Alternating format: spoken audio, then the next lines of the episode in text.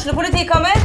Ine Jansen er purk. Er du purk? The motherfucking bitch. Alt jeg vil, er å finne ut hva som skjedde med mannen min. Jon Carew. Er jeg sikta for noe? Iben Akeli. Det er du. Ole So, Lars Berrum og Big Daddy Karsten. Hvem sin side er du på, egentlig? Anette Hoff, Tone Danielsen, Kommer du fra Afrika? Jørnis Josef, Nesten. Kløfta. Trond Espen Seim, Det er synd å si det, men det var feil mann som døde. Purk. Premiere tirsdag på TV2 Play. Hei, og velkommen til ny episode av Debrif med Dag Sørås. Ja, hvor det går? Norsk Narkotikapolitiforening er altså faen meg parodien som bare fortsetter å gi. Rett etter at det der rolleforståelsesutvalget hadde kommet med sin rapport, så var det noen som delte noe på Twitter hvor en eller annen NNPF-politi brukte ordet 'vi' om både politiet og Norsk Narkotikapolitiforening om hverandre i ei herlig sammenblanding av eh, vel, roller. Og så har vi den eh, hva det var, det var nettavisa som kalte det årets flaueste rettssak. Årets pinligste rettssak. Toppen i Norsk Narkotikapolitiforening føler seg krenka av to plakater og krever straff og oppreisning på 50 000 kroner. Så gikk det jo kort tid, og så viste det seg at statsadvokaten som tok ut tiltalen mot den mannen som hadde hengt opp plakater som er åpenbart satirisk ment, som er lagd for å skape debatt, og som gjorde nettopp det, men som eh, Goggegutten Geir Evanger og Jan Erik Bresil eh, tok blodalvorlig og så på som renhets. Det viser seg faen meg at statsadvokaten sjøl er medlem i NNPF. Og det er jo, vel, for å sitere tiltalte sin advokat, eh, den aldeles eh, fortreffelige eh, Jon Wessel-Aas, det er mildt sagt litt ironisk. Jeg skjønner ikke at man klarer å sette seg i denne situasjonen. Det er allerede noen som stiller spørsmål ved at man tok ut tiltale i denne saken. Men når du i tillegg klarer å ende opp med at den som tar ut tiltale, er medlem av foreninga, det syns jeg er bemerkelsesverdig. Eh, ja. Veldig eh, saklig og diplomatisk uttalelse. Selvfølgelig, han er jo tross alt eh, advokat i saken, men eh, Ja, hva man, hva man skal si? Hva mer er det å si? Jeg, jeg frykter liksom Jeg har jo en bit om, om eh, NNPF som jeg liksom er usikker på om jeg skulle ta med i Apokalykkeshowet, men nå tror jeg faen meg alle vet hvem de er. Det var en stund hvor du måtte forklare så jævla mye. For til tross for at de dildoene har eksistert siden 1991 eller noe sånt, så, eh, så er det jo først i det siste året at de har blitt ordentlig eh, At de har blitt allemannseie på vondt og verre. Uh, og så er det jo også en viss ironi i at uh, godeste Cliff Arne, komikeren Cliff Arne, eller komikeren bak karakteren Cliff Arne, slipper å skille uh, seg fra politiuniformen han i 20 år har brukt til sine forestillinger. Og her er jo saken at uh, proppkomiker uh, Frank Arne Olsen la ut en video av seg sjøl i uniform. For det første, uniformen er jo da 20 år gammel, og uh, partiet sin uniform er vel uh, oppdatert opptil flere ganger siden den gang. Men politiet i Troms mener at han da, ved å lage denne sketsjen, utgir seg for å være en ekte politimann, som sier mer om selvbildet til politiet. Og her er, et, her er, ting, her er det tingretten skriver. Selv om det ikke her er et skuespill eller revynummer filmet på en scene, men i en bil i et garasjeanlegg, er fremstillingen av karakteren med en liten hund i passasjersetet sammenholdt med det ekstremt useriøse innholdet i monologen av en slik karakter at det ikke er, det ikke er tvil om at dette er skuespill. Slik retten ser det, vil også de som ikke kjenner til karakteren forstå dette.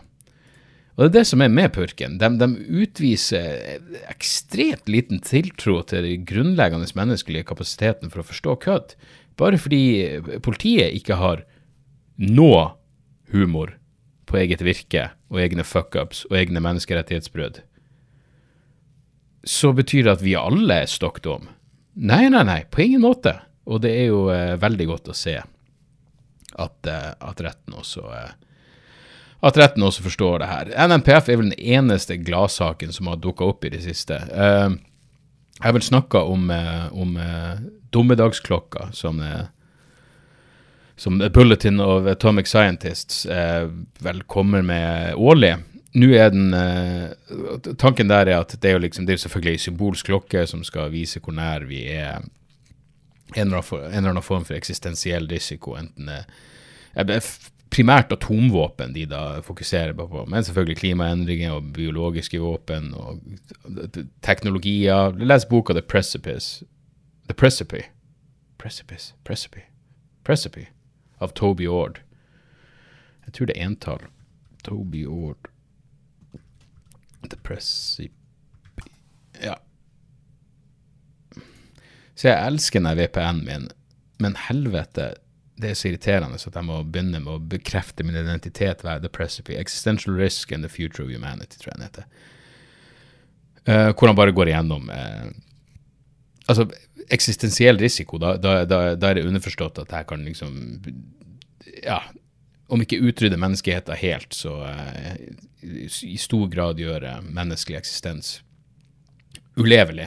Og så poenget er at denne, denne klokka som de da stiller på hvert år, eh, går, beveger seg Altså midnatt, da er det over. Da er det lights out, da er det fuckings atomkrig, mest sannsynlig. Men nå er den 90 sekunder til midnatt. Eh, og den har aldri vært Den har aldri vært så nært midnatt siden eh, Einstein og en masse andre vitenskapsfolk eh, utvikla atomvåpen. Det er vel derfor det, det er liksom Skulle se hva det var The Doomsday Clock is set every year by the Bulletin Science, Bulletin's Science and Security Board in consultation with its board of sponsors, which includes 12 Nobel laureates. Sneak, Snikskryt! The clock has become a un universally recognized indicator of the world's vulnerability to global catastrophe caused by man-made technologies. Så 90 sekunder, ja. Det lover jo eh, Det meget så godt. Vent, er det ja, Har den aldri vært nærmere? Hva under det året når det var Cuba-krisa Doom, Doomsday Clock 1962 Det begynte med syv minutter midnatt.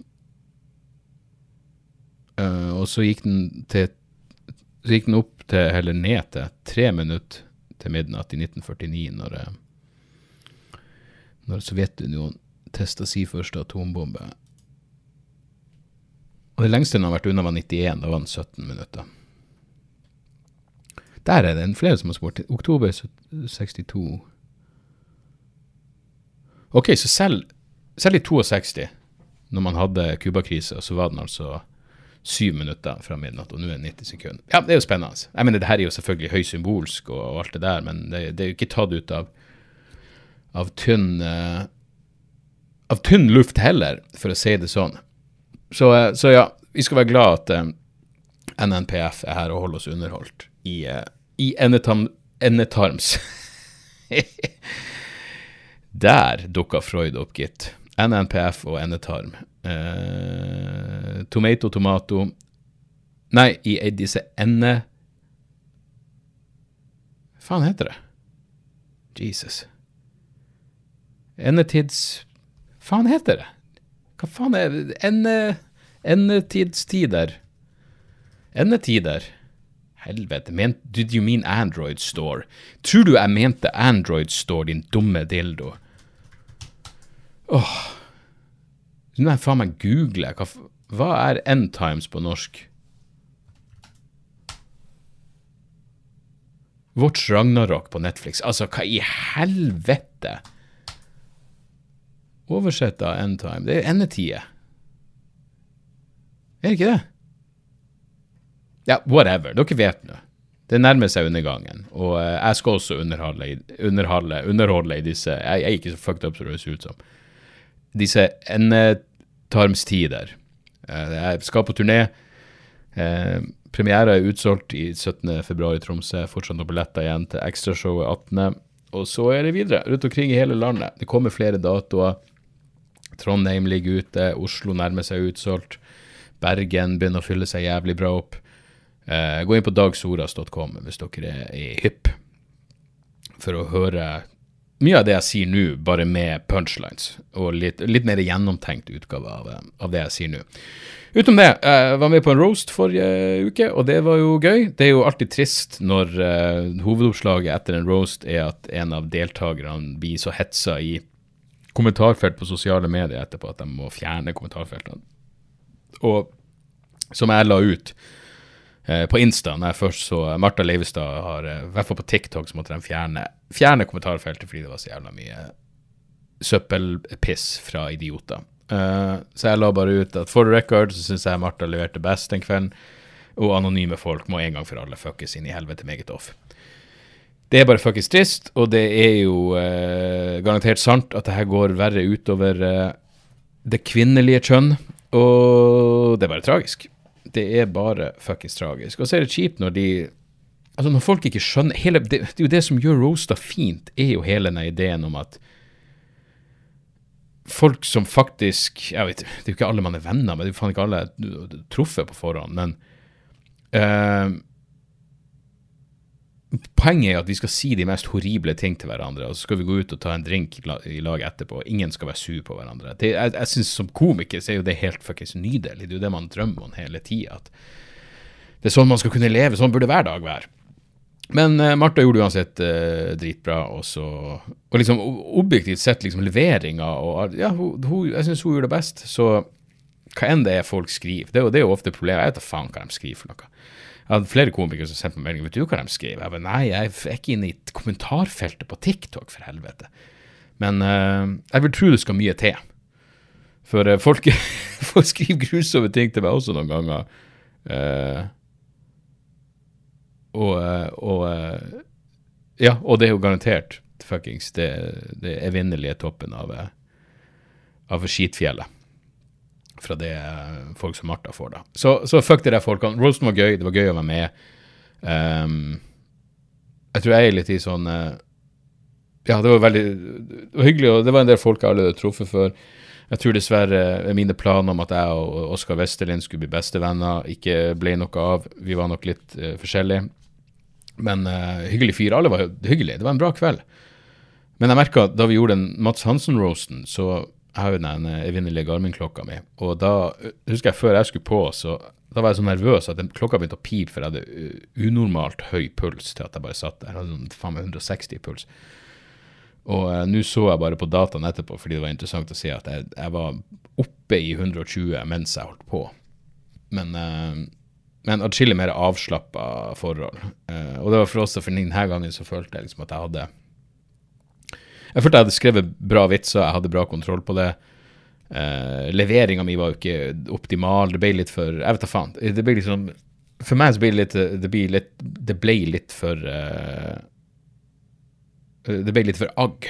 Litt for aggressivt. Jeg mener, vitsene mine er jo på mange måter slem og alt det der, men da bør de kanskje leveres med med et smil i ny og ne. Og jeg var rett og slett ikke Jeg vet ikke. Jeg, jeg, jeg, jeg var litt stressa med at jeg skulle gå på sist, fordi du vet ikke hva de andre skal si. og hvis ikke sant, Det er bare så og så mye å si om folk. De, man, fleste man tar dem jo stort sett på overfladiske ting, eller ting som alle vet. Så det er alltid en fare for at et eller annet Vitsen trenger ikke å være likens, men kan, poeng kan bli tatt så mange ganger at da må du bare stryke det. Og da må jeg bare sitte og følge med og så stryke underveis. Så jeg var litt stressa med det. Kommer jeg til å ha nok? Men jeg hadde mer enn nok. Og det var vel to vitser jeg måtte stryke fordi jeg følte at poengene var tatt.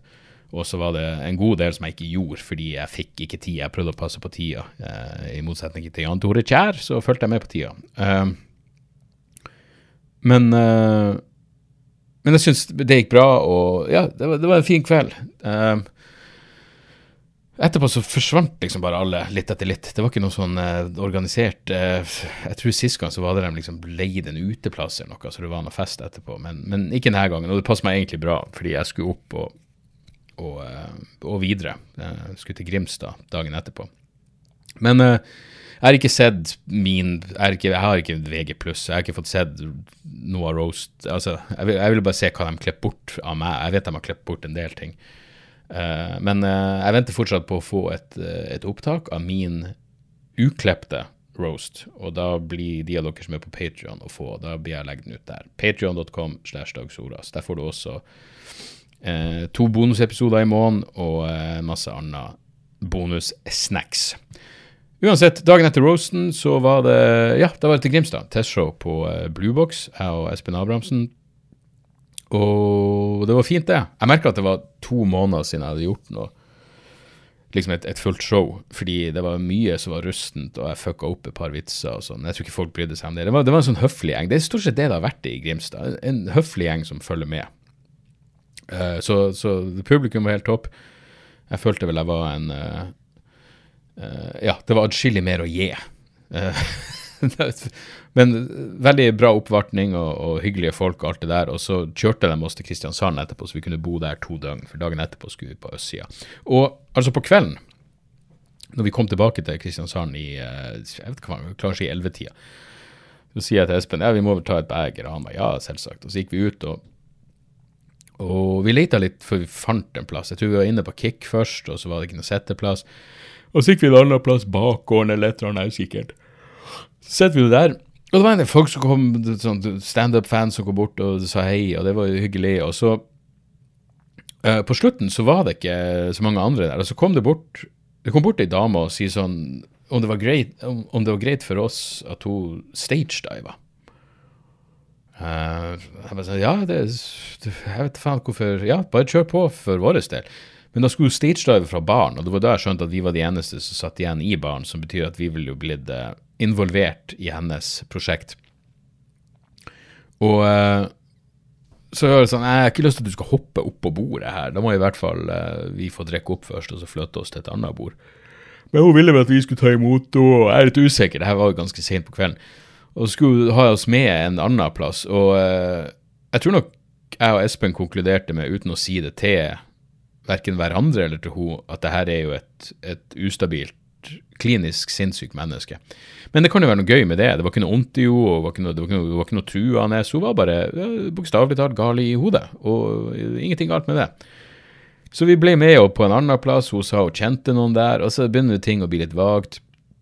Så kjøpte hun i hvert fall en drink, og så eh, Så jeg, jeg takk og whisky sour, og jeg, kanskje når jeg har drukket halve drinken, så sier hun at eh, hun hadde syre oppi drinken.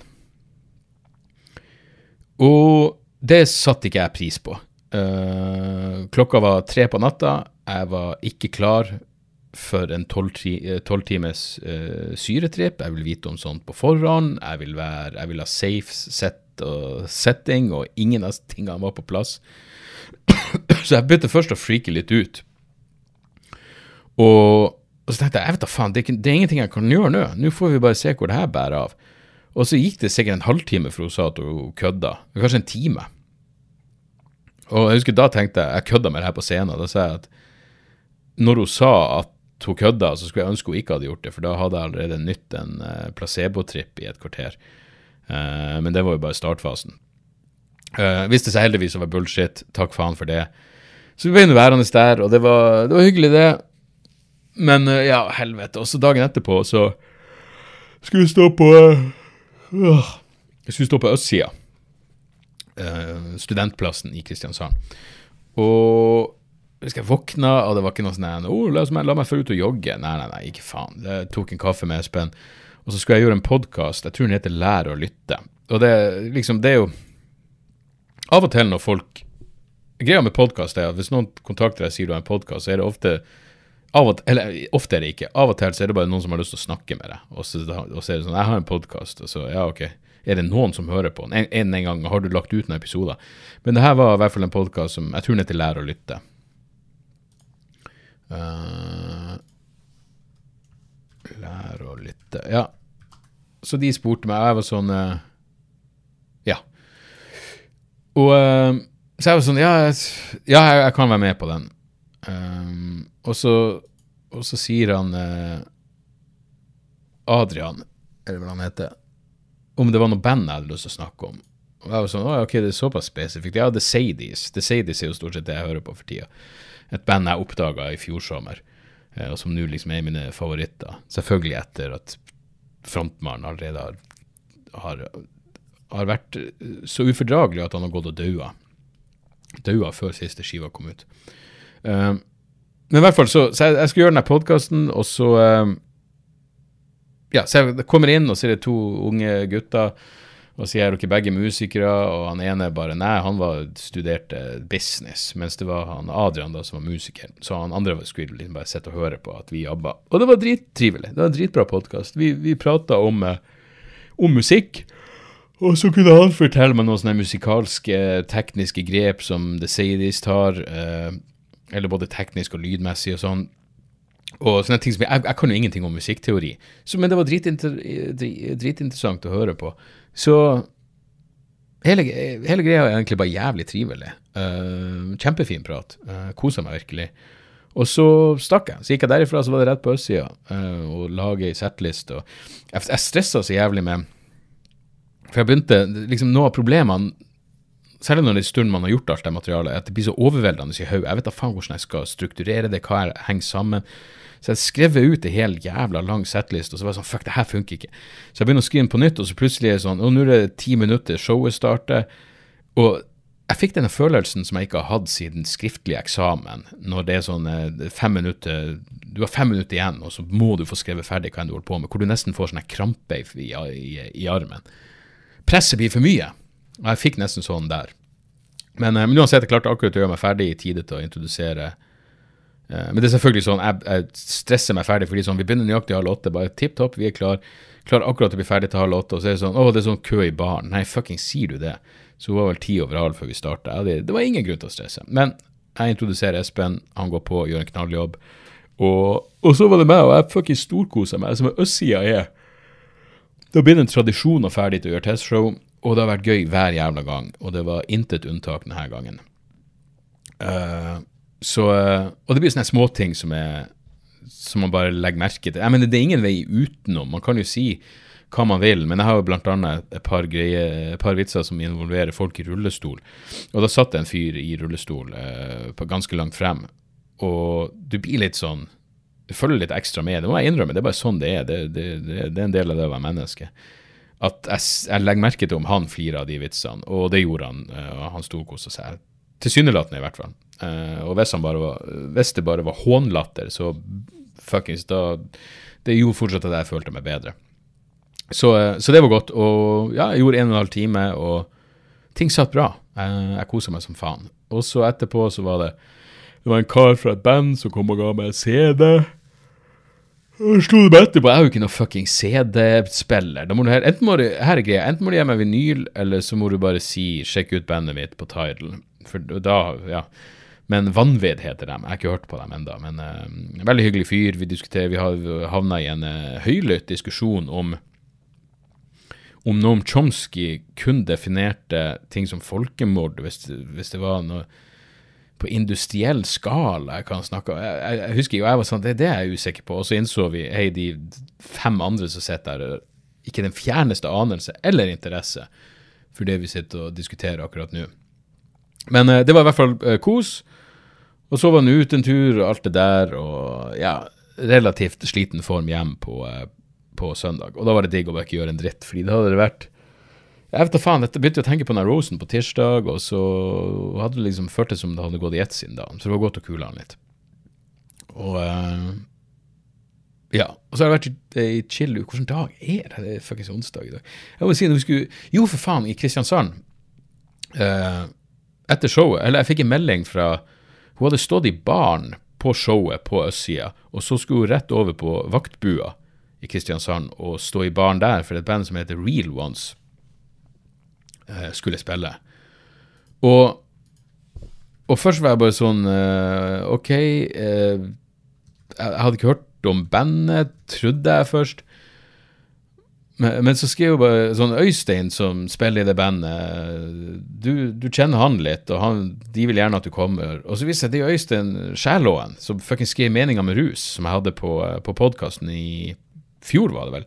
Strålende bok, sykt hyggelig fyr. Og uh, bandet hans fikk knallkritikk i uh, musikkmagasinet til Klassekampen på, på mandag.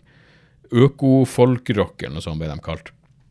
Men så vi, Jeg og Espen bestemte oss for dra dit, men vi rakk ikke konserten. men vi, Jeg fikk slå da en prat med, med Øystein, og den hyggelige bartenderdama fiksa oss noen gratis drinker, og det var tipp topp. Og den vaktbua Jeg husker jeg var der sist gang jeg var i Kristiansand også. Det er faen meg en kul plass. Jeg digger den og inn i helvete. Jeg er ganske sikker på at jeg og Steven var der når vi var på kick med vrangforestilling. Men, uh, men alt i alt bare Det var Sørlandet på sitt beste. Jævlig uh, Jævlig trivelig tur.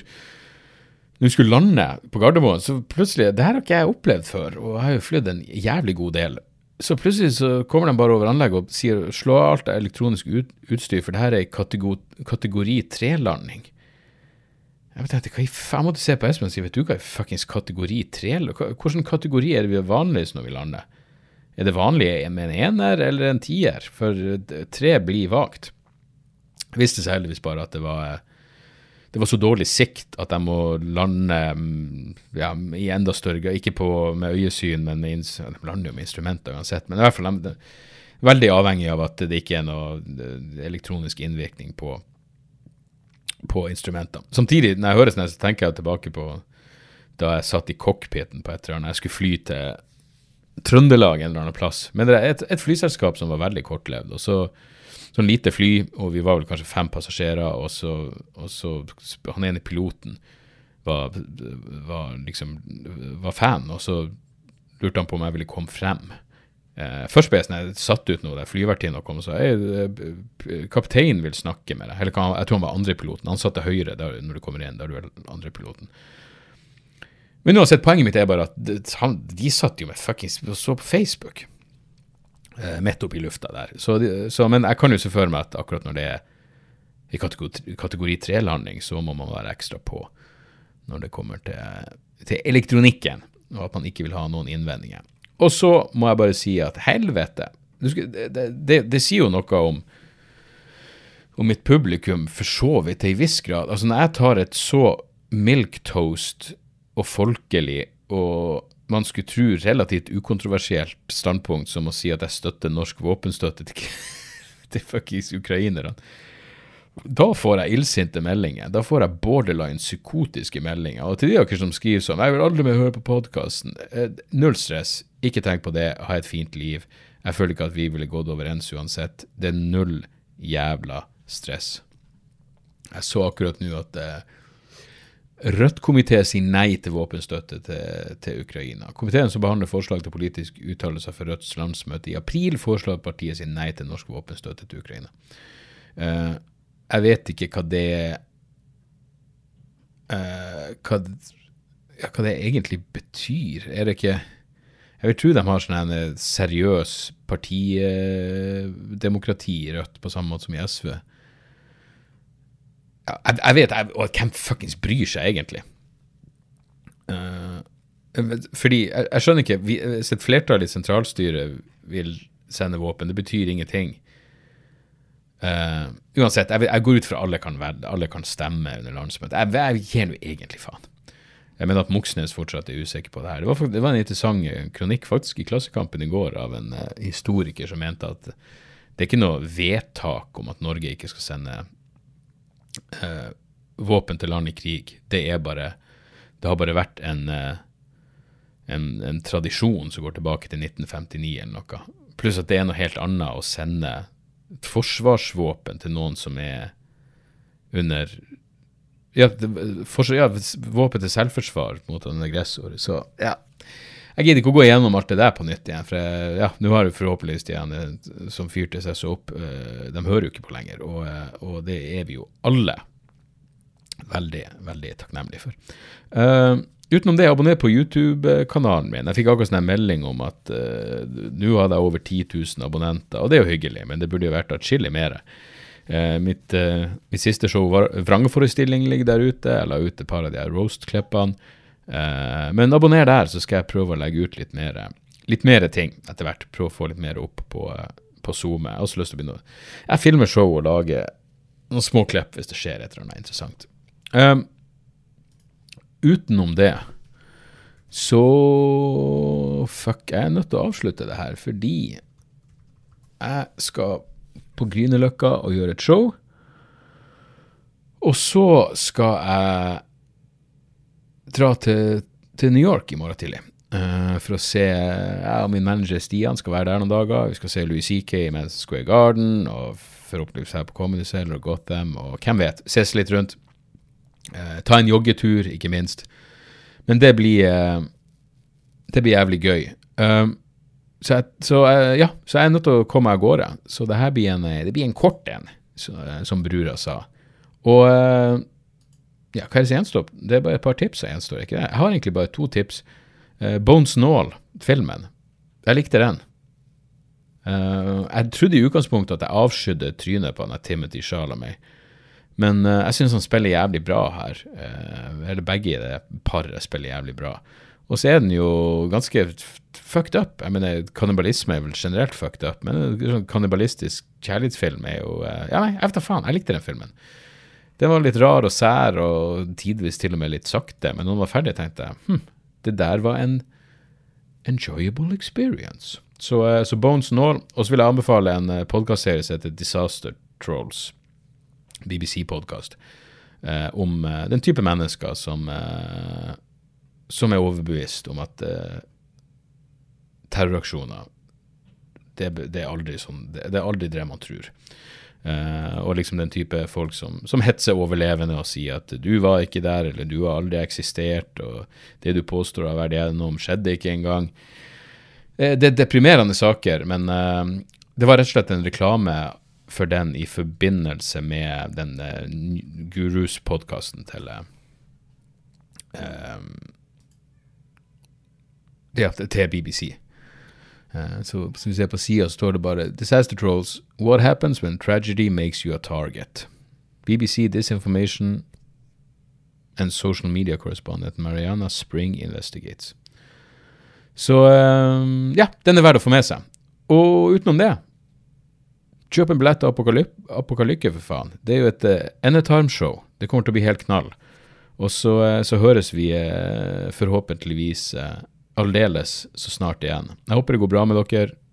Vi jabbas seinere. Tjo og hei. Har du et enkeltpersonforetak eller en liten bedrift? Da er du sikkert lei av å høre meg snakke om hvor enkelt er med kvitteringer og bilag i fiken, så vi gir oss her, vi. Fordi vi liker enkelt. Fiken superenkelt regnskap.